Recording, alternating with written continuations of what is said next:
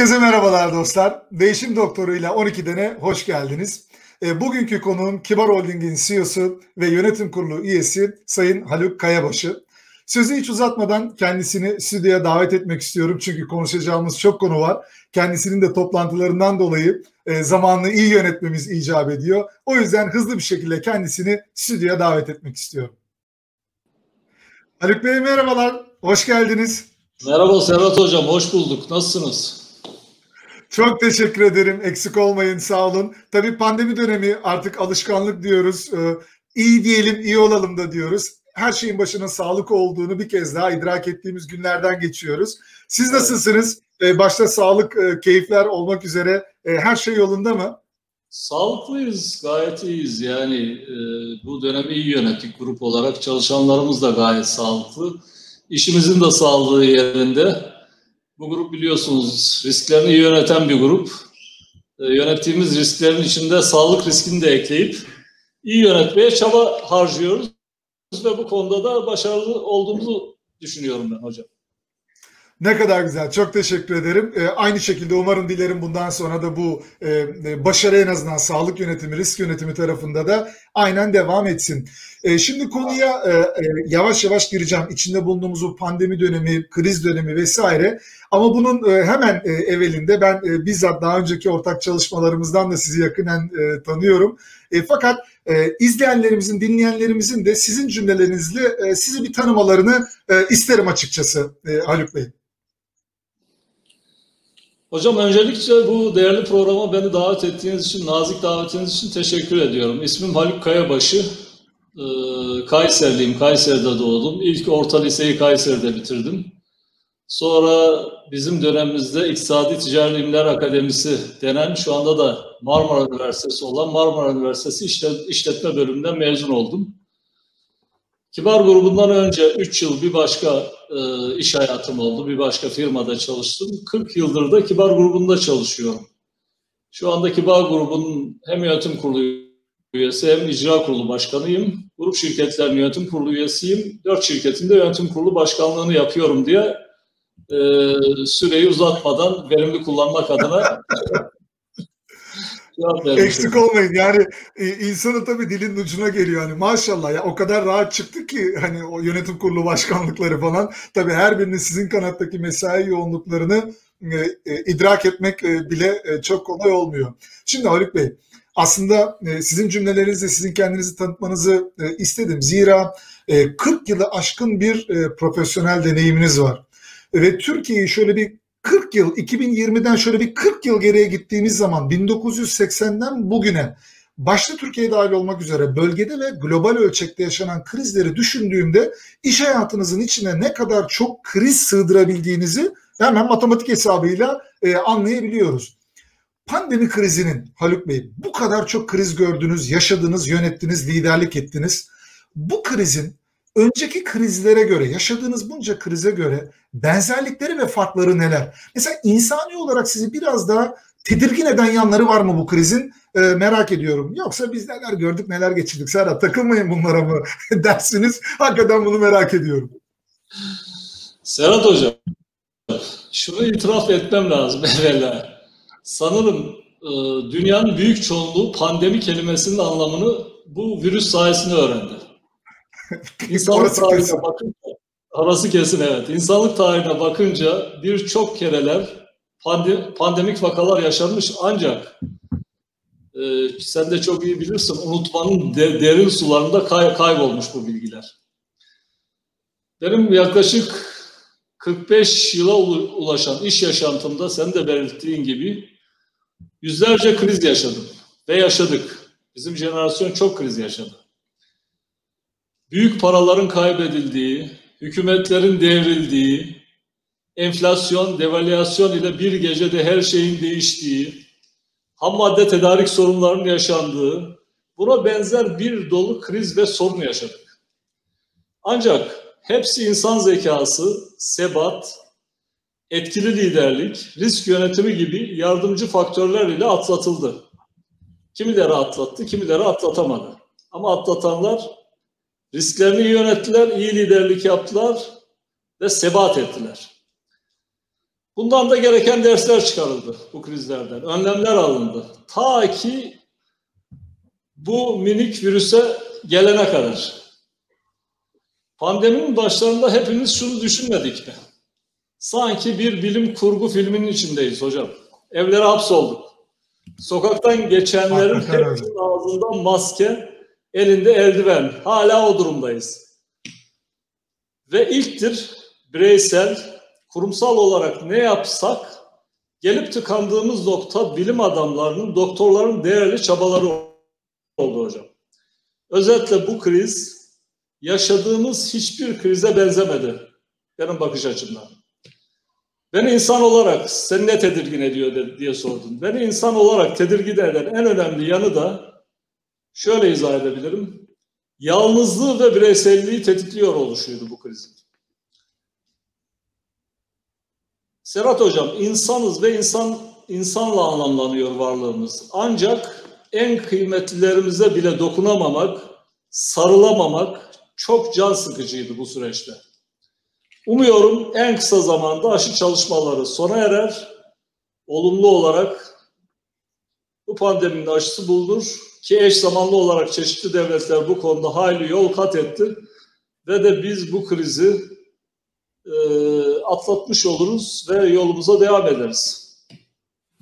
Aslında Haluk Bey e, çok e, bazen aramızda bunları konuşuyoruz bir taraftan ama e, bu kadar büyük yaklaşık 7500 kişinin çalıştığı bir holdingi e, yöneten birisinin hani yeri geldiğinde işsizlik, ekonomik kriz, işte karlılık, bilanço falan filan bunların havada uçtuğu bir dönemde bu krizi insan odağında bireyselleşme ve yalnızlaşma e, tarafında ele almanızı e, ben çok anlamlı buluyorum. Birazdan da aslında oralara geleceğim ama e, dünyada tabii performans ve süreç odağından insan odağına dönmeye çalışan o kadar çok şirket ve organizasyon var ki işin doğrusunu e, buldular fakat beceremiyorlar buna. Tabii işin o boyutuna e, birazdan geleceğim ama istihdam boyutu da var. Hani can mı canan mı malcanın yongası malum. E, burada çok kıymetli sizler gibi büyüklerimizi, deneyimli abilerimizi, ablalarımızı, eşimizi, dostumuzu da e, ağırlamaya gayret ediyorum. Sıklıkla izleyen dostlarımızdan hemen şu soru geliyor. Ya bu pandemi döneminde öyle ya da böyle cömert şirketler hiç olmazsa işten çıkartma yapmadı ama işe alımları durdurdular e, çoğu e, ortamda. Herkes şunu soruyor. İstihdamda hayat peki normalleşecek mi? Firmalar tekrar işe alımlarını yapabilecekler mi?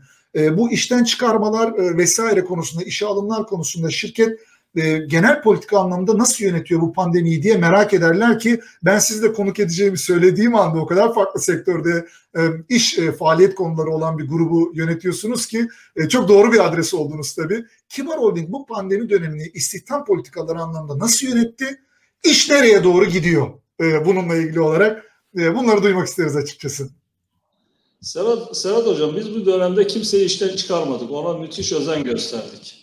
Yani ne kadar piyasa Maşallah, şartları ne güzel. olsa da ne, ne kadar piyasa şartları bizi zorlasa da çünkü biz her şeyi insan için yapıyoruz. Yani e, bu nedenle kimseyi işten çıkar çıkarmadık. Böyle bir düşüncemiz olmadı. Ha kendinden ayrılan arkadaşlarımız oldu. İşte kariyer planlaması doğrultusunda iş değiştirme kararı alıp ayrılan teknik arkadaşlarımız oldu. Onun dışında kimseyi işten çıkarmadık.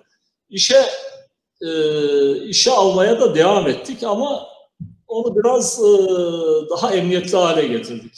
Siz bizi tanıyorsunuz. Biz sürekli yatırım yapan hem mevcut işlerinde ve ülkesinde Kesinlikle. hem de farklı iş ve coğrafyalarda büyüme hedefleri olan bir grubuz. Ve yaklaşık 50 yıllık bir grubuz biz. Bu dönemde farklı ris- riskleri, farklı hassasiyet seviyelerinde yeniden ele almış ve değerlendirmiş değerlendirmiş olsak da halen biz yatırım yapmaya devam ediyoruz. Mesela dijitalleşme alanında, veri analitiği alanında ve tesislerimizin eee modernizasyonu, verimliliği konularında bu yıl da yatırım yapmaya devam ediyoruz. Ve aynı zamanda büyüme hedeflerimizi de sürdürmeye çalışıyoruz şu ortamda. Dolayısıyla biz bu dönemde işe alım süre- süreçlerimizi tamamen durdurmadık. Öyle söyleyeyim. Ve doğal olarak işe alım ihtiyaçlarımızı değerlendirme sürecinde daha önce yaptığımız sorgula, sorgulamalarımızı biraz artırdık. Neden sorusunu daha önce 5 defa soruyorsak şimdi 10 defa soruyoruz Serhat Hocam. Bu sorgulama sonucunda bu sorgulama sonucunda doldurulması gereken pozisyonlarımız için önceliğimizi grup içi transfer sürecimiz olan geleceğe geleceğimiz içten diye bir pro programımız var bizim. Ona çevirdik. Yani ihtiyaçlarımızı öncelikle grubumuzdaki mevcut çalışma arkadaşlarımızın kariyerlerini de en doğru şekilde yönlendirebilmek, geliştirebilmek amacıyla iş transferlerle karşılamaya çalışıyoruz bu dönem. Ama tabii ki iş transferlerin çözüm olmadığı durumlarda işe alım süreçlerimiz aynı şekilde devam ediyor ve devam edecek. Yani hayat durmuyor.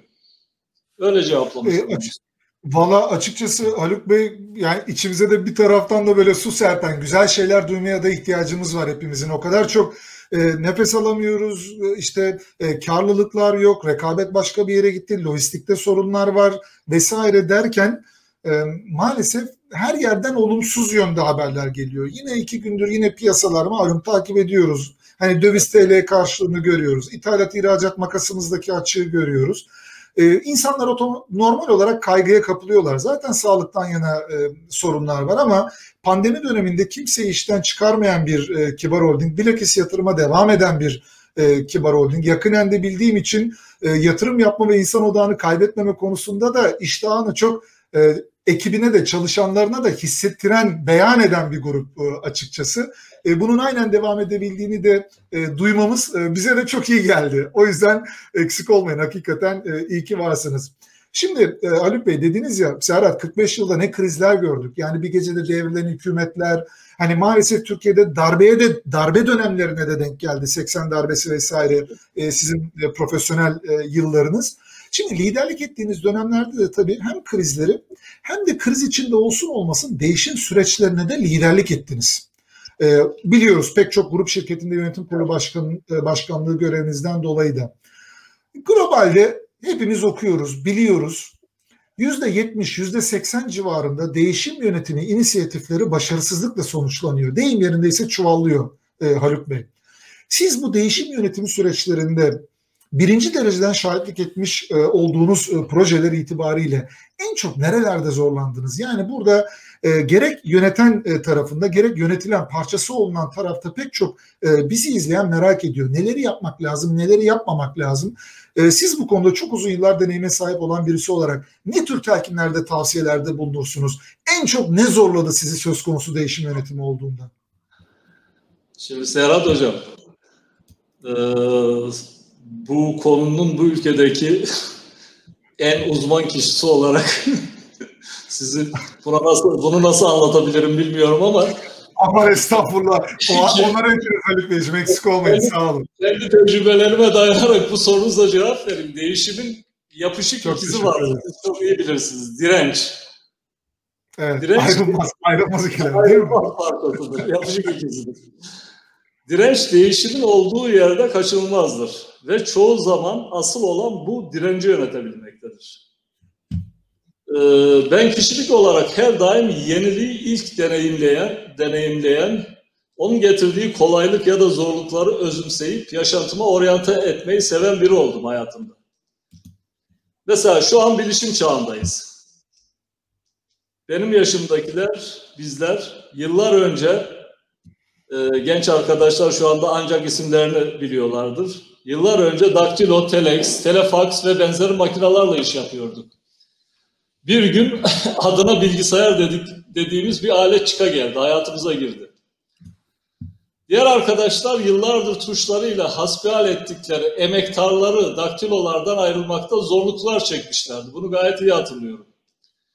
Ben hemen alıp kullanmak istedim o bilgisayarı. Şirkette de ilk bilgisayar kullananlardan biri oldum. Elbette o bilgisayar yerinde durmadı hocam. Şu an cebimizde bizimle geliyor ve bütün yaşamımızı yönetiyor şu anda o bilgisayar. Direnç demişken değişime direnç, direnç gösteren arkadaşlarımı da kendi deneyimlerimden, tecrübelerimden yola çıkarak sürekli motive ederim. Ve motive ettim bu yaşadığımız değişim sürecinde. Bu çalışmaya ilk başladığımız dönemden bugün Kaptan Köşkü'ne geçtiğim döneme kadar değişmezim oldu. Siz gayet iyi bilirsiniz. Aynı ırmakta iki kere yıkanamıyoruz ve şu an ırmaklar da sürekli olarak şekil ve debi değiştiriyor. Hızlarına yetişemiyoruz hocam. Bunun için bunun için değişime uyum sağlamak bir yana, değişimin öncüsü olmak birinci önceliğimizdir ve zorunluluğumuzdur. Aksi halde şirketlerimizi, kurumlarımızı tarihe gömeriz. Yani ayakta tutamayız. Bu müthiş bir gerçektir. Değişime karşı çıkmak. Dolayısıyla tüm ekibimi de bu konuda yüreklendiriyor ve yarattıkları değişimi yönetebilecekleri özgür alanları kendilerine sunmaya gayret ediyorum. Özetle beni bu konuda zorlayan pek bir şey olmadı aslında. Çünkü artık yaşam değişim felsefesine evrilmiş durumda hocam. Bunu iş yapış şekillerimize, kurum kimliğimize yansıttığımız her uygulamada karşılaştığımız direnç ya da eleştirileri dikkate alıyor. Bazen de yanıldığımız oluyor. Yanıldığımız noktalarda bizler de gerekli değişimleri gerçekleştirebiliyoruz. Yani biz de değişiyoruz. Hala değişmeye de devam edeceğiz ve değişmekte zorundayız. Çok haklısınız, çok haklısınız. Burada e, aslına bakarsanız eminim siz de yaşamışsınızdır. Bu e, tarafı yıllardır yönetiyorsunuz.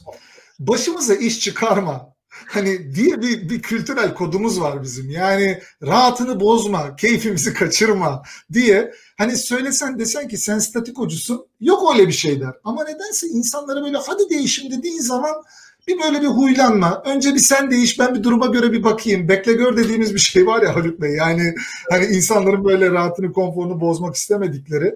E, tabii yani bunları hissettiğiniz zaman böyle hani motive etmenin ötesinde onları biraz daha cesaretlendirecek başka türlü yaklaşımlarınız da olabiliyor mu? Ya başımıza iş çıkıyor ama nereden çıktı Haluk Bey işte ne kadar güzel üretip duruyoruz biz bu arabaları. Nereden çıkıyor bu hani pandemi döneminde yeni yatırım vesaire denildiğinde hani ne tür mesela söylemleriniz oluyor onları biraz motive etmek, cesaretlendirmek için?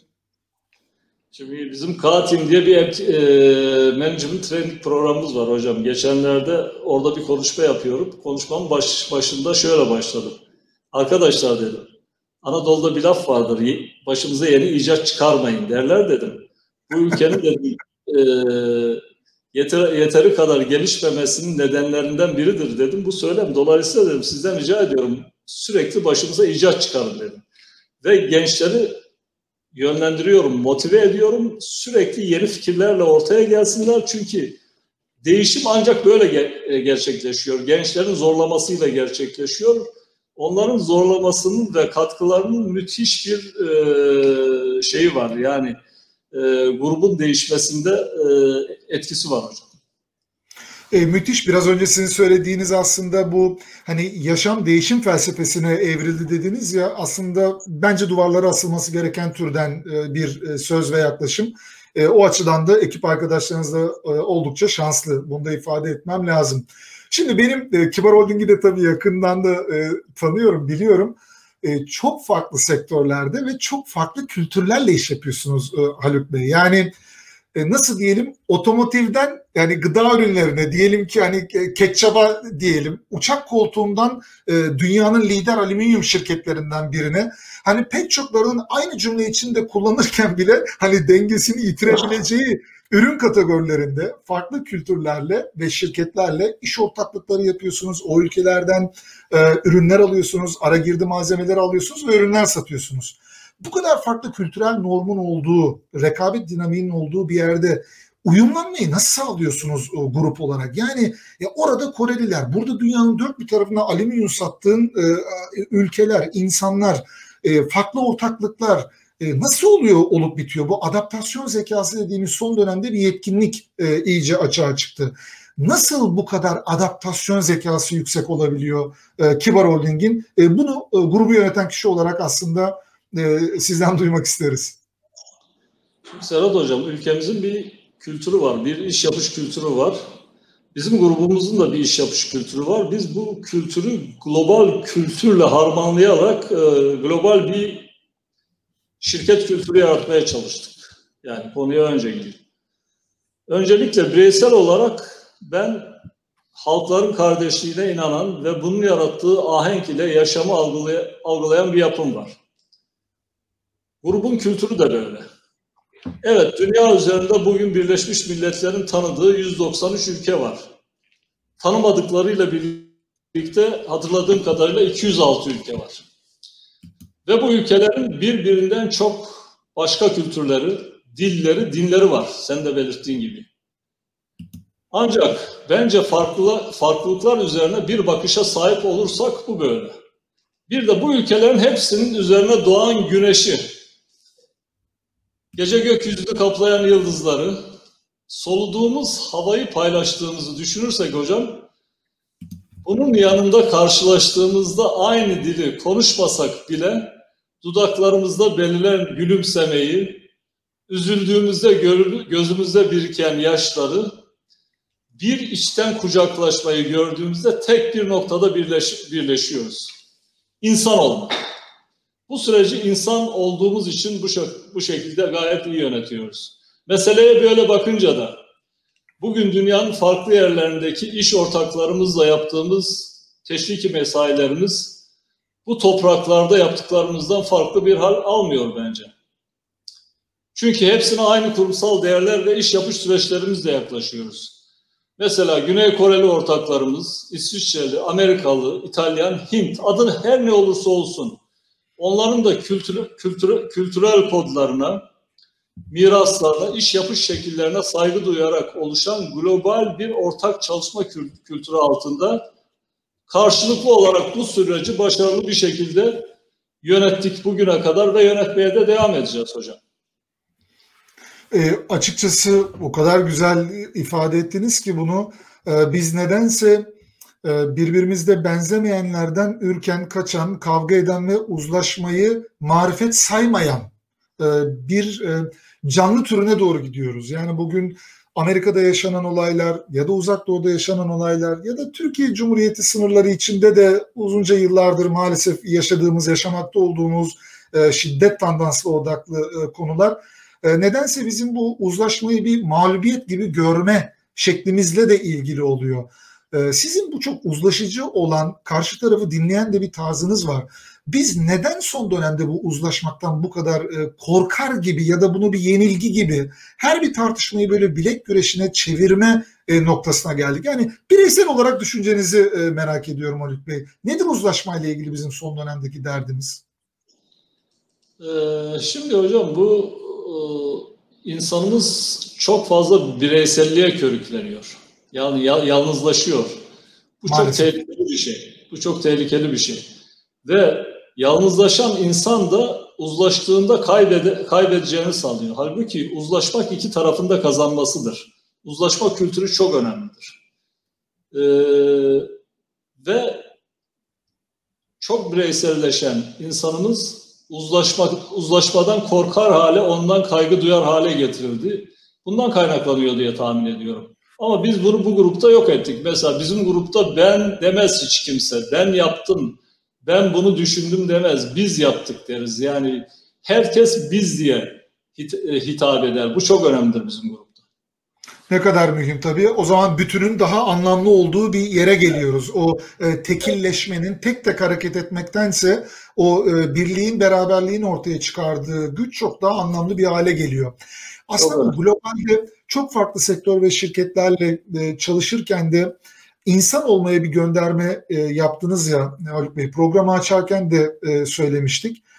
Pek çok şirket endüstriyelleşmeden bu yana yani 1800'lü yılların ortalarından bu yana işletmelerini hep performans ve süreç odaklı yönettiler. Yani ne kadar üretiyorsun? Bugün mağaradan çıktın kaç geyik avlıyorsun? E, geyik avlama sürecini nasıl iyileştirebiliriz? Yani hep bu. Yani hep bir iyileştirme, optimizasyon vesaire. Ama ne zaman ki artık global e, anketler ortaya çıkardı ki çalışan dünyasının yüzde 85'i kendisini çalıştığı şirkete ait hissetmiyor büyük bir çoğunluğu yüzde yetmişi yaklaşık önümüzdeki 3 ay ila 6 ay arasında ben bu grupta çalışmam aktif veya pasif iş arıyorum diyor. Öyle bir yere geldik ki şirketlerde jeton düştü Haluk Bey. Yani dediler ki biz bir yerde hata yapıyoruz. Bu iş sürdürülebilir değil. Diğer yandan Kibar Holding buralarda ya inanın ekşi sözlükten insanların en radikal eleştiriler, kritikler getirdiği sosyal medya platformlarına kadar söz gelimi iş başvurusu yapan insanlara olumlu olumsuz dönmeme konusu mesela. Evet. İnanın ben bunu kritik eden bir paylaşım e, yapıyorum. E, yeri geliyor. E, Hocam elektrik, elektriğimiz kesildi bizim. Çok kötü bir şey oldu, tesadüf oldu. Estağfurullah. Bu da bir bu da bir kriz yönetimi e, oluyor şu an. Çok enteresan. Yani bulunduğunuz e, plazayı da gayet iyi bilen birisi olarak e, evet. orada elektriklerin gitmesi de e, ilginç bir durum. Evet. İstersen ha geldi şimdi. Evet, jeneratör devreye girdi. Yani evet, e, hani zor, zorlu plazada Kibar Holding'in merkezi dolayısıyla hani e, dünyada nerede elektrik gider, nerede gitmez diye sorsalar herhalde orada gitmez evet. yani e, bakınca. Evet. E, şimdi e, inanın öyle ortamlarda bile ben bu kritik eden yazıyı yazdığımda Haluk Bey insanlar hemen ne diyor biliyor musunuz? Evet. E, ben Kibar Holding'e başvurdum. Olumlu olumsuz bana şöyle şöyle dönüş oldu diye olumlu anlamda e, sizi referans gösteriyorlar. Gençler insanlardan dönüş alamadığını söylüyor. Haluk Kayabaşı'nı konuk edeceğim diyorum. İnanın yüzlerce öğrenci yazıyor. Mesela Karabük Üniversitesi'ni ziyaret ettiğinizde kendilerinin orada dinleyici olduğunu, nasıl sabırla yani sürenin çok ötesinde onların sorularına cevap verdiğinizi, aynı sorulan sorulara bile aynı cevaplarla tekrar ettiğinizi, bu soru daha önce sorulmuştu bile demediğinizi ifade ediyorlar. Yani bu insanlarla, insanlar için ve insan odaklı yaklaşımı nasıl başarıyorsunuz Haluk Bey? Yani hem Kibar Holding olarak kurumsal anlamda hem Haluk Kayabaşı olarak bireysel anlamda olması gerekir diye düşünüyorum. Bu işin bir tüyosu olması lazım. Nasıl başardınız siz bunu pek çok firmanın başaramadığı noktada? Şimdi Serhat Hocam çok önemli bir konuya değindiniz. Yani konu insan olunca biz bir durur şöyle bir düşünürüz. Çok fazla insan odaklıyız.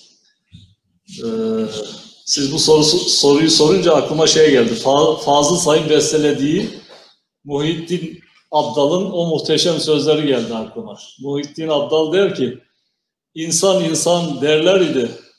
İnsan nedir şimdi bildim. Can can deyi söylerlerdi. Ben can nedir şimdi, şimdi bildim der. Konuya böyle bir giriş yapayım istersen. Evet, evet. Çok anlamlı oldu hakikaten. Biz kibar grubu olarak insanı şimdi bilmedik ama bu yola çıktığımızda ilk günden beri en değerli varlığımız çalışanımızdır dedik ve demeye de devam ediyoruz. İnsan odaklıyız. Bundan 50 yıl önce bu grup Aslanhan'da sabahın karanlığında grubun çalışanları ve ben heyecanla iş yerimize koşarken de bugün 22 şirketimizle dünyada iz bırakmaya çalışırken de güç aldığımız en nadide şey sevgi oldu hocam. Ve olmaya da devam ediyor. Hem birbirimizi hem işimizi çok sevdik biz. Kültürümüzde el vermek diye çok sevdiğim bir deyim var.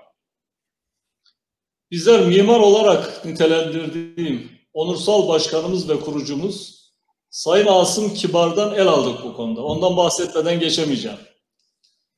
Çalışanlarımız başımızın tacı oldu her zaman. Onların en iyi koşullarda çalışması, ihtiyaçlarının karşılanması, günlerinin planlanması, yaşamdan keyif alacakları ortamların yaratılması önceliğimiz olmuştur yıllardan beri. Böyle bir yapıdan gelince de insan odaklı lider olmak kendi başına gerçekleşen bir sürece evriliyor. Yani ben e, 40 yıldır bu kültürle yetiştiğim için e, çok sıradan görüyorum insan odaklı olmayı. Bunun için kendimi zorlamadım. Çünkü hiçbirimiz robot değiliz. Süreçleri inşa, inşa eden bizleriz hocam. Duygulardan ibaretiz. Dinlemek, değer vermek, hepsinden önemlisi bu verilen değerin hissedilmesini sağlamak çok önemli bizim kültürümüzde ve grubumuzda bu kültürle yönetmeye devam ediyoruz hocam. Ne kadar güzel. Aslında siz bunu söyleyince e, Shakespeare'in o e, reklamlara da konu olan e, meşhur sözü geldi. Duygularımız olmadan aslında hepimiz birer makinayız. Evet. Nedense Haluk Bey şöyle bir yanılsama, şöyle bir halüsinasyon içinde değil miyiz iş hayatında profesyoneller olarak? Hani şirkete gelirken duyguları kapıda as bırak. Hani iş yapmak ciddi bir iştir. Hani öyle duygular, hani gözyaşları vesaire. Hani bunlara girmeyelim. Herkesin böyle kaşları çatık olacak. Zaten yıllarca da sadece abilerin yönettiği bir şey oldu. Hani kadınlara da inatla bir negatif diskriminasyon da e, uygulandı, uygulanıyor. Bunu da kabul etmek lazım. E, iş yapmak ciddi bir iştir. Yani gülersin, gevşeklik derler. Laballik derler. Yani biraz duygularına ya üzgünüm, hayal kırıklığına uğradım dersin. Yani git ki istersen büyük açalım, orada sohbet edelim derler falan. Yani neden duygudan biz bu kadar korkuyoruz? Duygularını bir insan türü neden iş yaparken konuşmaktan bu kadar imtina eder? Yani Haluk Ayabaşı olarak düşüncenizi merak ediyorum bu konuda. Şimdi hocam e, duygulardan şundan korkuyoruz. Yönetememekten korkuyoruz duygulardan. Halbuki duyguları çok iyi yönetirseniz hem e, çalışma arkadaşlarınız, hem çalışanlarınız, hem kendiniz onu yöneten kişi acayip memnun oluyor, mutlu oluyor ve daha da verimli bir iş ortamı, daha barışçıl bir iş ortamı, daha heyecanla, daha keyifle çalışılan bir iş ortamı e, yaratılıyor. Yani e, en büyük korku duyguları yönetememektir. Bunun için de duyguları yönetebilen lider olmak ve çok önemlidir ve her kurumunda böyle liderlere ihtiyacı vardır. E, aslına bakarsanız e, duygusal zekaya yaptığınız bu gönderme de mühim. Derdimiz duygulardan ziyade onları yönetme konusundaki yetkinliğimizde ya da yeteneksizliğimizde, yetkinsizliğimizde demek lazım. Başımıza en büyük dert açan duygularımızdan birisi Haluk Bey stres. Yani iş hayatında stres. Yani son dönemlerde hep böyle olmadı mı son 10 yıldır? Doktora gidiyorsun hani klasik sorular vardı. Hani sigara içiyor musun? Hani Allah'ın emri adını sorarlar. Arkadan bunu sorarlardı değil mi Haluk Bey? Sigara içiyor musun? Arkadan evet. bir soru daha geliyor. Stres var mı? Yok stres yok. Yani hani Norveç, Norveç'te yaşıyoruz. Fiyortlarda yaşıyoruz biz. Yani hiç stres falan yok bizde. Yani ya ne desen e, stresi azalt. E kolaysa sen azalt. Yani kolay bir iş değil ki stres. Yani tepemizde o, bu, kur, iş, işsizlik, rekabet, şimdi pandemi, sağlık, virüs vesaire. Şimdi görüyorum hem bireyler anlamda stres yönetirken büyük sorun yaşıyoruz. Hem de bazen kurumlarla çalışırken bile görüyoruz Haluk Bey. E, Philip Kotler'in çok güzel bir sözü var. Şirketlerin diyor değerlemesini yaparken falan diyor uzun uzun çalışır danışmanlar diyor. Ben danışmanları işi bırakmadan evvel ofisten içeriye bir girerim. Bir beş dakika herkesin yüzüne bakarım. Benim için diyor denetleme biter. Ondan sonrasını rakamlara bakar ekip diyor. Çünkü beş dakikada insanların yüzünden anlarsın orada ne, ne olup bittiğini e, üç aşağı beş yukarı diyor. Kurumlar organizasyonel stresi yönetemiyor. İçeride müthiş bir memnuniyetsizlik ve ait hissetmeme durumu var. Siz hem birey hem kurumsal anlamda bu stresi yönetmek için ne tür tüyolar verebilirsiniz e, bize Haluk Bey? Şimdi Serhat Hocam stres varsa Norveç'te de var, başka ülkelerde de var, Türkiye'de de var. Yani stres tabii ki e, şartların zorlamasıyla ortaya çıkan bir şey ama stres baş edilebilir bir olgu. Ee, ben son zamanlarda çok kritik, sıkıntılı, stresli toplantılara giriyorum ve girince iki elimi kaldırıyorum. Diyorum ki arkadaşlar stres yok her şeyin çaresi var. Rahat olun diyor. ve konuşmaya Güzel. yani sen de bildiğin gibi stres yeni çağın yaşattığı tüm güzellikler yanında insanoğluna devrettiği en büyük sorun. Komün yaşamdan bireysel eksenli yaşama dönen yalnızlaşan, üretmek, başarmak, kendini göstermek adına daha fazla hırsla efor harcayan ve teknolojinin yardımıyla art, arta kalan boş zamanların varlığıyla da çok daha düşünen, kimi zaman da düşünemeyen, daha çok üreten, üretemeyen, daha fazla risk alan ya da alamayan, yerel dünyası yerine global konjektürden her an etkilenen, etkilenemeyen olarak yaptıkları ve yapamadıklarıyla sürekli ve yoğun bir baskı altında olan insan günün sonunda avuçlarında dev gibi bir stres topuyla kala kalıyor hocam. bir stres bombasıyla ne yazık ki. Yani ben kendimden bahsedersem bireysel olarak herkesin stresle baş etme yöntemleri farklıdır. Benim farklı. Kendi adıma bir kitap okumak, bir müzik dinlemek, motosikletime atlayıp bir deniz havası almak, bir şiirin dizesinde duraklamak, duralamak, bir çocuğun neşesinde kaybolmak, sessizliği, doğayı, kuşları dinlemek, durup sadece düşünmek iyi gelen şeyler. Ben bu şekilde stresle kendi kendime baş ediyorum. Rahat bir şekilde baş ediyorum. Yani şartlar ne kadar ağır olursa olsun çok fazla çare var onunla baş etmek için.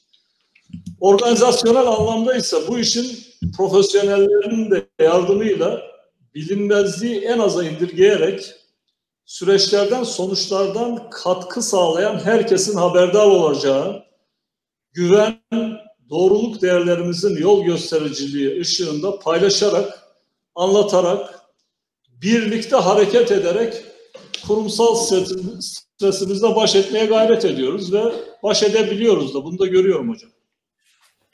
Aslında birlikte hareket etmenin altına yaptığınız e, vurguyu önemsiyorum. E, nedense şöyle bir e, durum var. Sizin de paylaşımlarınızla altını çok çizdiğiniz bir konu. Yaptığımız strateji çalıştayında da ona çok vurgu yapmıştınız. Aslında dediğiniz, inandığınız bu sözde diyor ki hızlı mı gitmek istiyorsun, uzağa mı gitmek istiyorsun? Yani evet hep dersiniz ya Bey. Hızlı gitmek istiyorsan tek git. Seni yavaşlatabilir birileri. Ama uzağa gitmek istiyorsan, uz görünün peşindeysen ekip arkadaşların olsun. E, galiba şiar edindiğiniz bu prensip size çok yardımcı oluyor değil mi Haluk Bey? Aynen öyle. Her yerde anlatırım. Hızlı gitmek istiyorsan tek başına gideceksin. Uzağa gitmek istiyorsan iyi bir ekip yaratıp takım halinde gideceksin. Biz neden bu özellikle profesyonel liderler olarak bu konuda çok net şekilde söyleyeyim atipik olduğunuzu düşünüyorum çünkü. Bu şirketlerdeki büyük abiler, ablalar, hani CEO vesaire, GMY'ler, direktörler neden bu hani Cem Yılmaz var tek kişilik gösterilere özenir bir hale geldik? Hani hani İngilizler one man show diyorlar ya tek kişilik gösteri. Yahu arkada birisi yok mu? Yani bir savaş bir tek komutanla kazanılabilir mi? Neden bu insanların aklında dünyasında böyle bir e, e, mevzu ya da virüs var e, sizce? Niye bu kadar meraklıyız biz tek kişilik gösteriler sahnelemeye? Hocam o tek kişiler e, o insanların kendi söyleyemediklerini sahneye çıkıp söylüyorlar. Onun için bu kadar ilgi duyuluyor. Halbuki yani fabrikalarda bizim fabrikalarda geçen geziyorum. Bir e, Aslan Alüminyum'da soğuk haddenin başında bir operatörle konuşuyorum. Benimle rahat konuşamıyor. Temkinli duruyor bilmem ne. Evladım dedim benim senden bir farkım yok. İkimiz de bu şirketin çalışanıyız. Ee, benim senden tek farkım senden dedim fazla para alıyorum. Onun için dedim rahat ol dedim. İkimiz de aynı ama, ama, amaç için çalışıyoruz dedim. Şirketimiz, ülkemiz ve dünya için çalışıyoruz. Olaya böyle bakacaksın dedim. Rahatlattım. O yüzden e, yani insanlar konuşmak istiyorlar, paylaşmak istiyorlar, bir şeyler söylemek istiyorlar, eleştirmek istiyorlar gördükleri yanlışları. Dolayısıyla o tek kişilik gösterilerde yapılan eleştirileri dinleyip tatmin olmak için gidiyorlar diye tahmin ediyorum. Evet Haluk Bey. Ee, sizin aslında bu ekiptaşlığınızı da gayet iyi biliyorum. Ee, bir e, kahve molasında e, yaptığımız organizasyonda siz sohbet ederken e, tabii şimdi bir tarafta 7500 kişinin çalıştığı holdingi yöneten CEO var. Diğer tarafta da grup şirketlerinden birinin genel müdürüyle sohbet ediyorsunuz. Ve kahve molası yani hep birlikteyiz yan yanayız orada e, Sapanca'da. E, evet. Birisinden bahsediliyor ama çok rahat anlıyoruz ki aslında en az 3-4 e, hiyerarşik anlamda e, aşağı kademedeki bulunan birisinden bahsedilirken e, siz ismiyle konuya girip onun aslında e, birkaç yıl evveldir yaşadığı sıkıntılara değinip e, bu yaşadığı süreci göz önünde bulundurmanız gerektiğinden de bahsettiğiniz zaman dedim ki bu bir ya hafıza yetkinliği yani nasıl akılda tutulabilir, nasıl olabilir bu?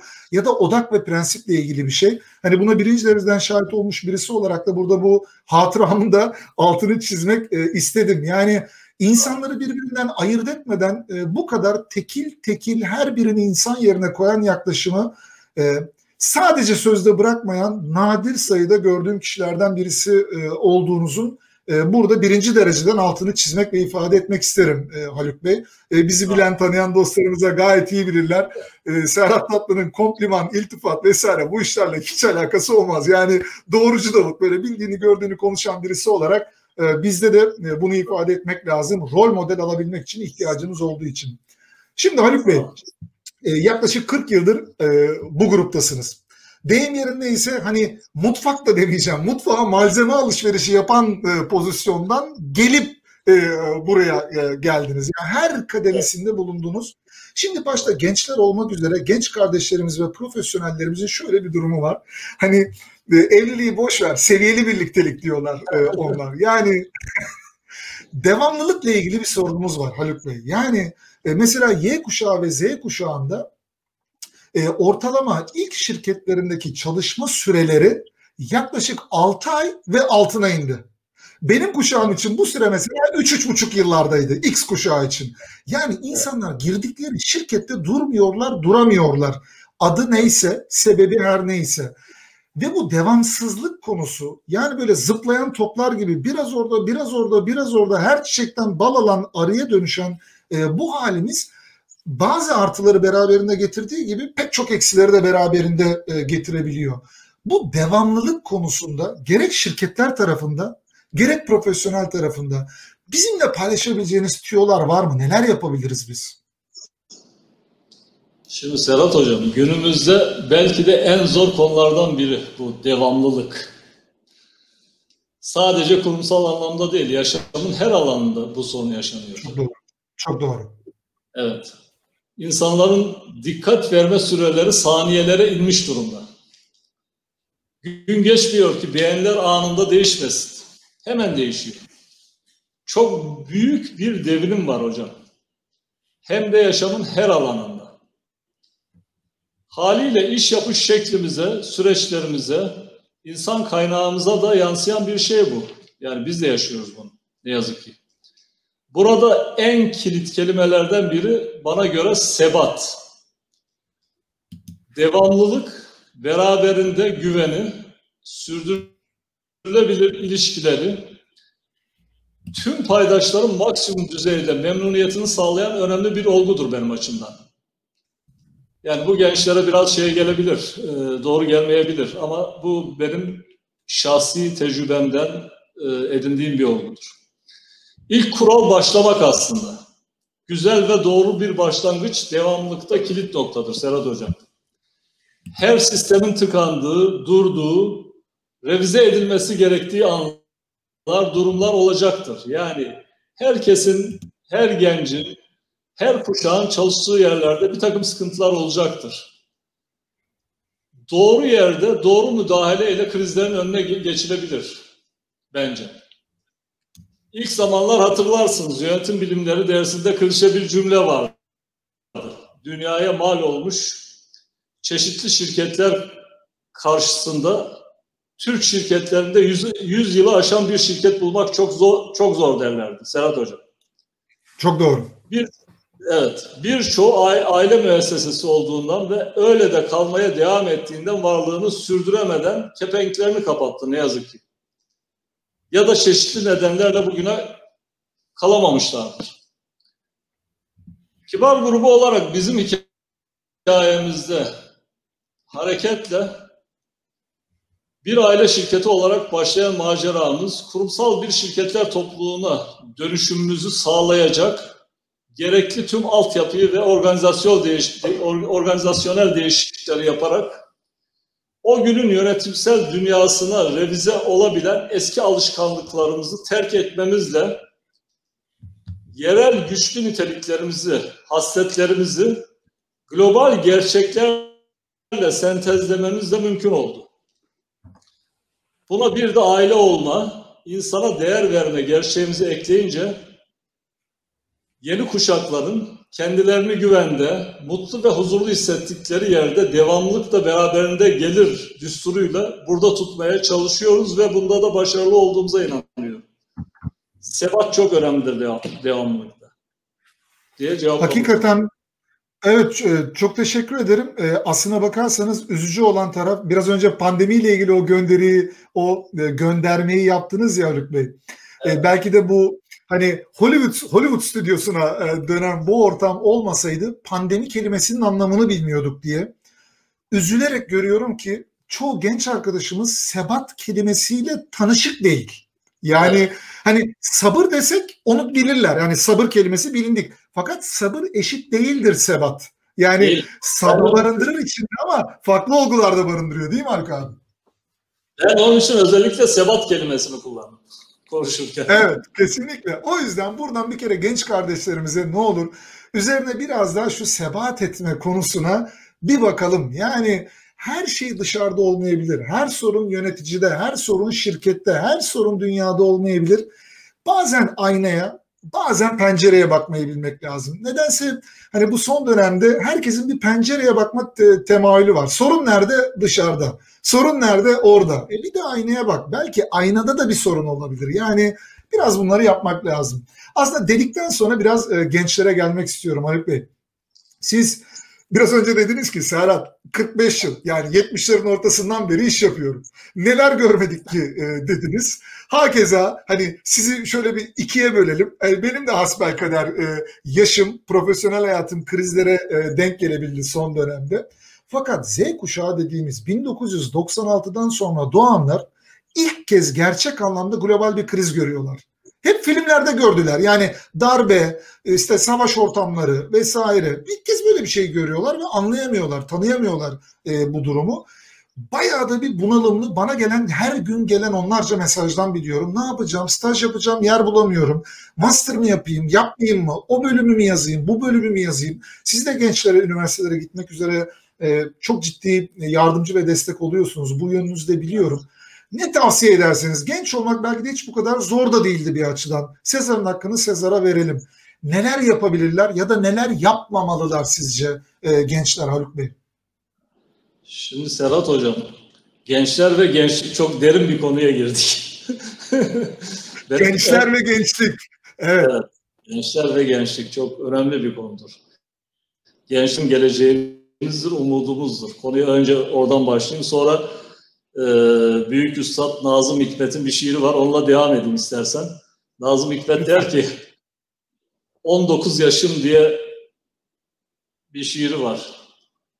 Ve sen ki en yıkılmazları yıkabilirsin. Gözüme bakabilir, elimi sıkabilirsin. Ve sen ki sen benim ilk çocuğum, ilk hocam, ilk yoldaşım 19 yaşım der. Gençleri kuşaklara ayırdık amenna. Ama algıları, yaşam şekilleri, gerçekleri, doğruları, katlanma süreleri, değişim istekleri derken kuşaklara ayırdık. Analitik ve hızlı düşünen, teknoloji kullanımının ortasına doğan dahiler olarak nitelendirdik hocam Z kuşağını. Ve gün geldi, devran döndü bu dahiler kucaklarında daha önce hiçbirimizin yaşamadığı nur topu gibi bir pandemi krizi ile de kala kaldılar bugünlerde bildiğin gibi. Burada Sezen Aksu'nun bir şarkısından bahsedeceğim. Sezen dediği gibi sesleneyim. Geçer, geçer daha öncekiler gibi bu da geçer diyor Sezen Aksu. Asıl olan geçerken neler yaptığımız ve heybemize neler kattığımızdır. Serhat Hocam, gençlere şöyle seslenmek isterim. Demin de bahsetmiştim. Bir kere sebat etmek çok önemli. Yanlış ve eksik kararlarla hareket etmemek hayati önem taşıyor. Benim için gençlik eşittir umut. Yani sözüme girerken de geleceğimiz ve umutlarımız demiştim. Gençliği ben Çok umutla eşdeğer tutuyorum. Ben onların enerjilerini, yenilik arayışlarını, kimi zaman da bıkışlarını seviyorum. Onlara söyleyebileceğim tek şey yaşamdan keyif almayı becermeleri. Çünkü çok iyi bir konumda da olsanız, işkolik bir insana da dönüşseniz en zor zamanlarda başınızı göğe kaldırmayı unutmayacaksınız gençler. Sakin ve sağduyuyla yaklaştığınız her problem çözülmek için ellerinizden usulca kayıverir. Bugüne kadar bitmeyen hiçbir kriz olmamıştır Serhat Hocam. Bu koca yaşlı dünya neleri neleri atlattı. Bunu hepimiz biliyoruz. Bunun da üstesinden, bunun da üstesinden geleceğiz inşallah. Okumak, dünyada olan bitenden haberdar olmak, her zaman bir acil eylem planı yapmak yanında kriz zamanlarında gerek satış, gerekse para, pazar, gerek üretim olsun diğer alternatifleri de değerlendirmek, farklı bakış açılarını benimseyerek hareket etmek yanında bazen sadece durup beklemek de gerekebilir gençler için. İyimser bakış açısını asla ve asla ihmal etmemek lazım. Gençlere en büyük tavsiyem budur. Tabii önlem ve risk yönetimi olmazsa olmazımız olacak. Sadece başarının değil, aslında yaşamda var olabilmenin, fayda yaratabilmenin, yarına kalmanın belli başlı kuralları olduğunu düşünüyorum. Yani gençlere şunu söyleyebilirim. Her yiğidin bir yoğurt yiyişi vardır. Ee, diye başlayıp tüm başarı hikayelerinin yolunun sevgiden ve tutkudan geç, geçiyor olduğunu belirtmek isterim gençliğe. Yani gençliğin kendilerini sevmeleri lazım, çevrelerini sevmeleri lazım, ülkelerini sevmeleri lazım, yaptıkları işi sevmeleri lazım ve tutkulu olmaları lazım.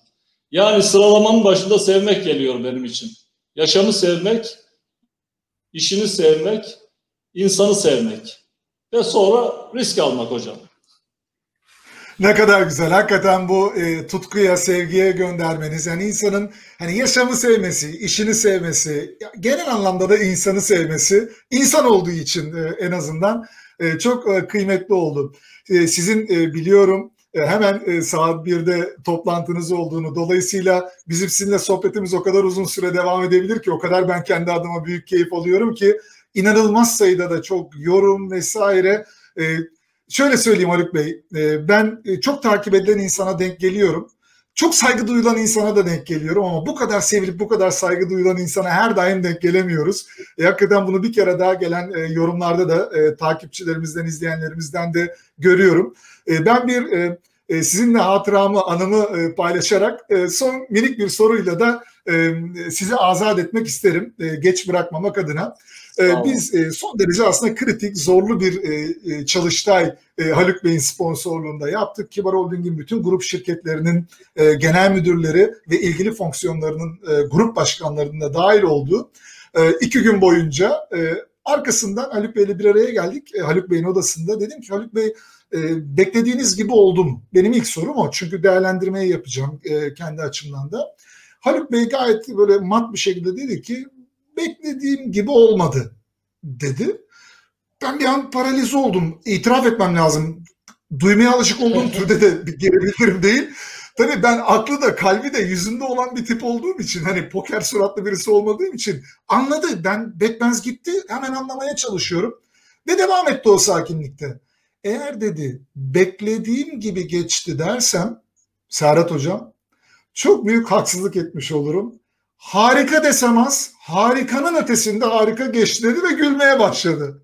Ve arkasından da beni rahatlatan şekilde e, dedi ki Serhat Hocam dedi hayat biraz da mizahtır dedi. Biraz da güleceğiz, eğleneceğiz dedi ve hakikaten orada hani beni böyle bir e, 3-5 saniye içinde bir saunaya bir şok havuzuna soktu e, Haluk Bey o e, yaklaşımıyla.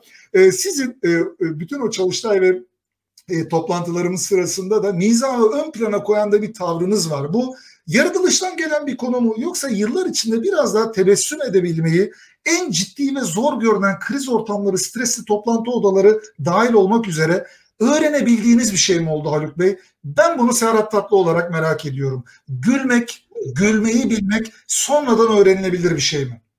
Hocam bu biraz yapıdan kaynaklanıyor ama daha çok e, kendini e, geliştirmekle, farkındalıkla, dünyayı tanıma, tanımakla e, ve okumakla ilgili ve hobilerin olmasıyla ilgili. Bunlar çok önemlidir. Demin gençlerle ilgili şeyleri söylerken atladığım bir konu oldu. Yani gençlerin hobilerin olması gerekir. Bu çok önemlidir. Seslerini yönetebilmeleri için. Ben ben de e, hayata hobilerim sayesinde gülümseyen ve bütün sıkıntıların e, bir çaresi olduğuna inanan biriyim. Bu bir miktar yapıdan kaynaklanıyor. Yaratılış diyoruz biz ona. E, ama çoğunlukla öğrenilen bir şey bu. Bunda, bunu da aslında öğrendiğimiz iyi oldu. Ümitsiz olmayalım. Hani miza ben yapamıyorum. İşte ne zaman güleceğimi, ne zaman gülmeyeceğimi, ne zaman espri yapacağımı, yapmayacağımı bilemiyorum. Ama öğrenebileceğim bir şey, öğrenebileceğimiz bir şey. O yüzden de bu da bize e, ışık oldu. E, Haluk Beyciğim ağzınıza sağlık. E, gıyabınızda ben hep Haluk abi diye konuşuyorum. E, çünkü ya. ilk merhabamızdan sonra Serhat sen bir de Kayseriliymişsin falan diye de bana bir gönderme yapmıştınız hakikaten. E, çok hani gönlümü alan e, yaklaşımınız her zaman beni çok e, mutlu etmiştir. Bunu da ifade etmem lazım. E, o kadar farklı ortamlarda da ya Haluk Bey seninle ilgili ne kadar pozitif konuşuyor diye o kadar kulağıma da gelen e, geri bildirimleriniz oldu ki e, onore ediyorsunuz. Müteşekkirim. O konuda da hakikaten e, ifade etmek isterim. Son sözü size bırakayım. E, sonrasında e, sizi toplantınıza uğurlayalım e, ve ben de sonrasında kapanışı yapayım. Son söz sizin Haluk Beyciğim. Buyursunlar. Yani son söz olarak yine gençlere seslenmek istiyorum hocam. Yani gençlere şöyle bir tavsiyem var. Değerli gençler, başarısızlık geçici bir kavramdır. Kalıcı olan pes etmektir. İşte o yüzden bir sürü problemle karşılaşıyorsunuz gençler olarak. Bir problemin yalnızca, yalnızca tek çözümü değil, onlarca çözümü olabileceğini düşünün lütfen. Niye diye sormak yerine neden olmasın diye sorun. Ömrünüz boyunca.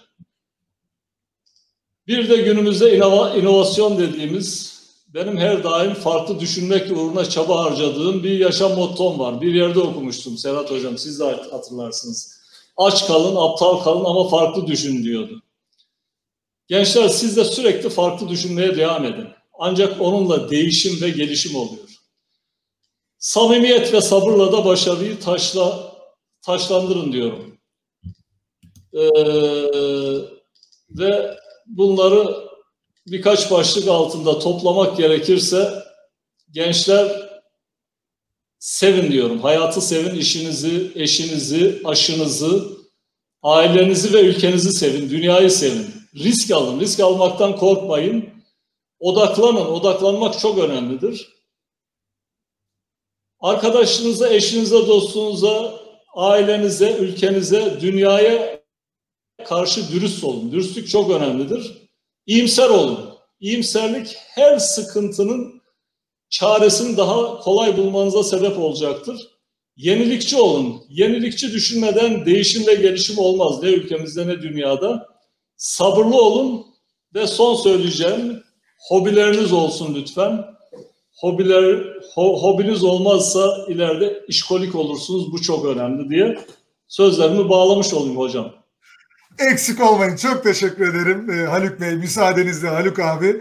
E, 45 yıl iş hayatının kalbinde yer almış birisi eğer biz daha genç olan insanlara hobilerinize sahip çıkın diyorsa buna da biraz kulak kabartmak lazım. E, zamanımız olmadığı için artık o detaya girmeyeceğim ama e, Haluk Bey'in, Haluk abinin müthiş bir motosiklet tutkusu olduğunu, e, şimdiden de iyi yolculuklar dileyelim. Hafta sonu itibariyle e, Bodrum yolculuğunuzda da aman dikkatli diyelim ki çok dikkatli bir e, kullanıcı olduğunuzu da biliyoruz.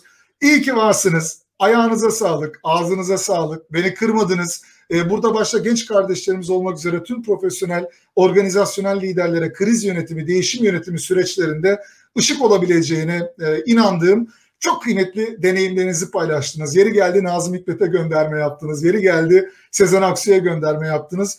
Ben müthiş keyif aldım. İyi ki varsınız. Çok teşekkür ederim. Ayağınıza ağzınıza sağlık. Serhat Hocam çok teşekkür ediyorum. Ben de nazik davetiniz için teşekkür ediyorum. Beni o onurlandıran benimle ilgili sözleriniz için teşekkür ediyorum. Ee, değişim, gelişim ve e, yenilikçilik çok önemli. Siz bu ülkenin yetiştirdiği çok değerli e, bir insansınız. Ülkeye müthiş katkınız var. Benim için de çok keyifliydi yani bu sohbeti yapmak. Umarım bir katkım olmuştur izleyicilere. Teşekkür ediyorum. Eksik olmayın. Ziyadesiyle ve fazlasıyla olduğunu düşünüyorum. Çok teşekkür ederim. Size kolaylıklar diliyorum. Bir sonraki toplantınızda da başarılar diliyorum Haluk Bey. Sağ olun hocam. Teşekkürler. Görüşmek üzere. Bir mukabele. Bir mukabele Haluk abi. Evet dostlar. Bugünkü konu değişim doktoruyla 12'den de Kibar Holding'in CEO'su, yönetim kurulu üyesi e, Sayın e, Haluk Kayabaşı'ydı. Sevgili Haluk Bey, Haluk abi kendisinden de e, müsaade alarak 45 yıllık iş hayatından deneyimlediği, süzdüğü, rafine ettiği tecrübelerini bizlerle paylaştı.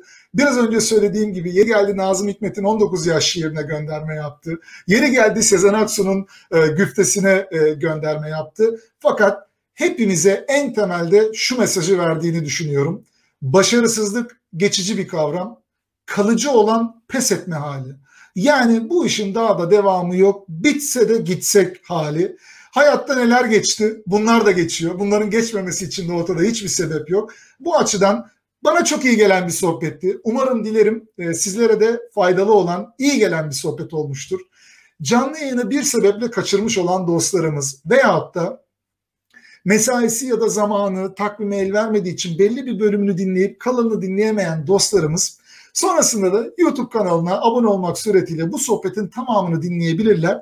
Aynı şekilde bu sohbeti paylaşmak suretiyle de daha fazla sayıda eşimize, dostumuza, kardeşimize de ulaşmasına mahal verebilirler, müsaade edebilirler, yardımcı olabilirler. Bu destekleri için de bir kez daha çok teşekkür ederim.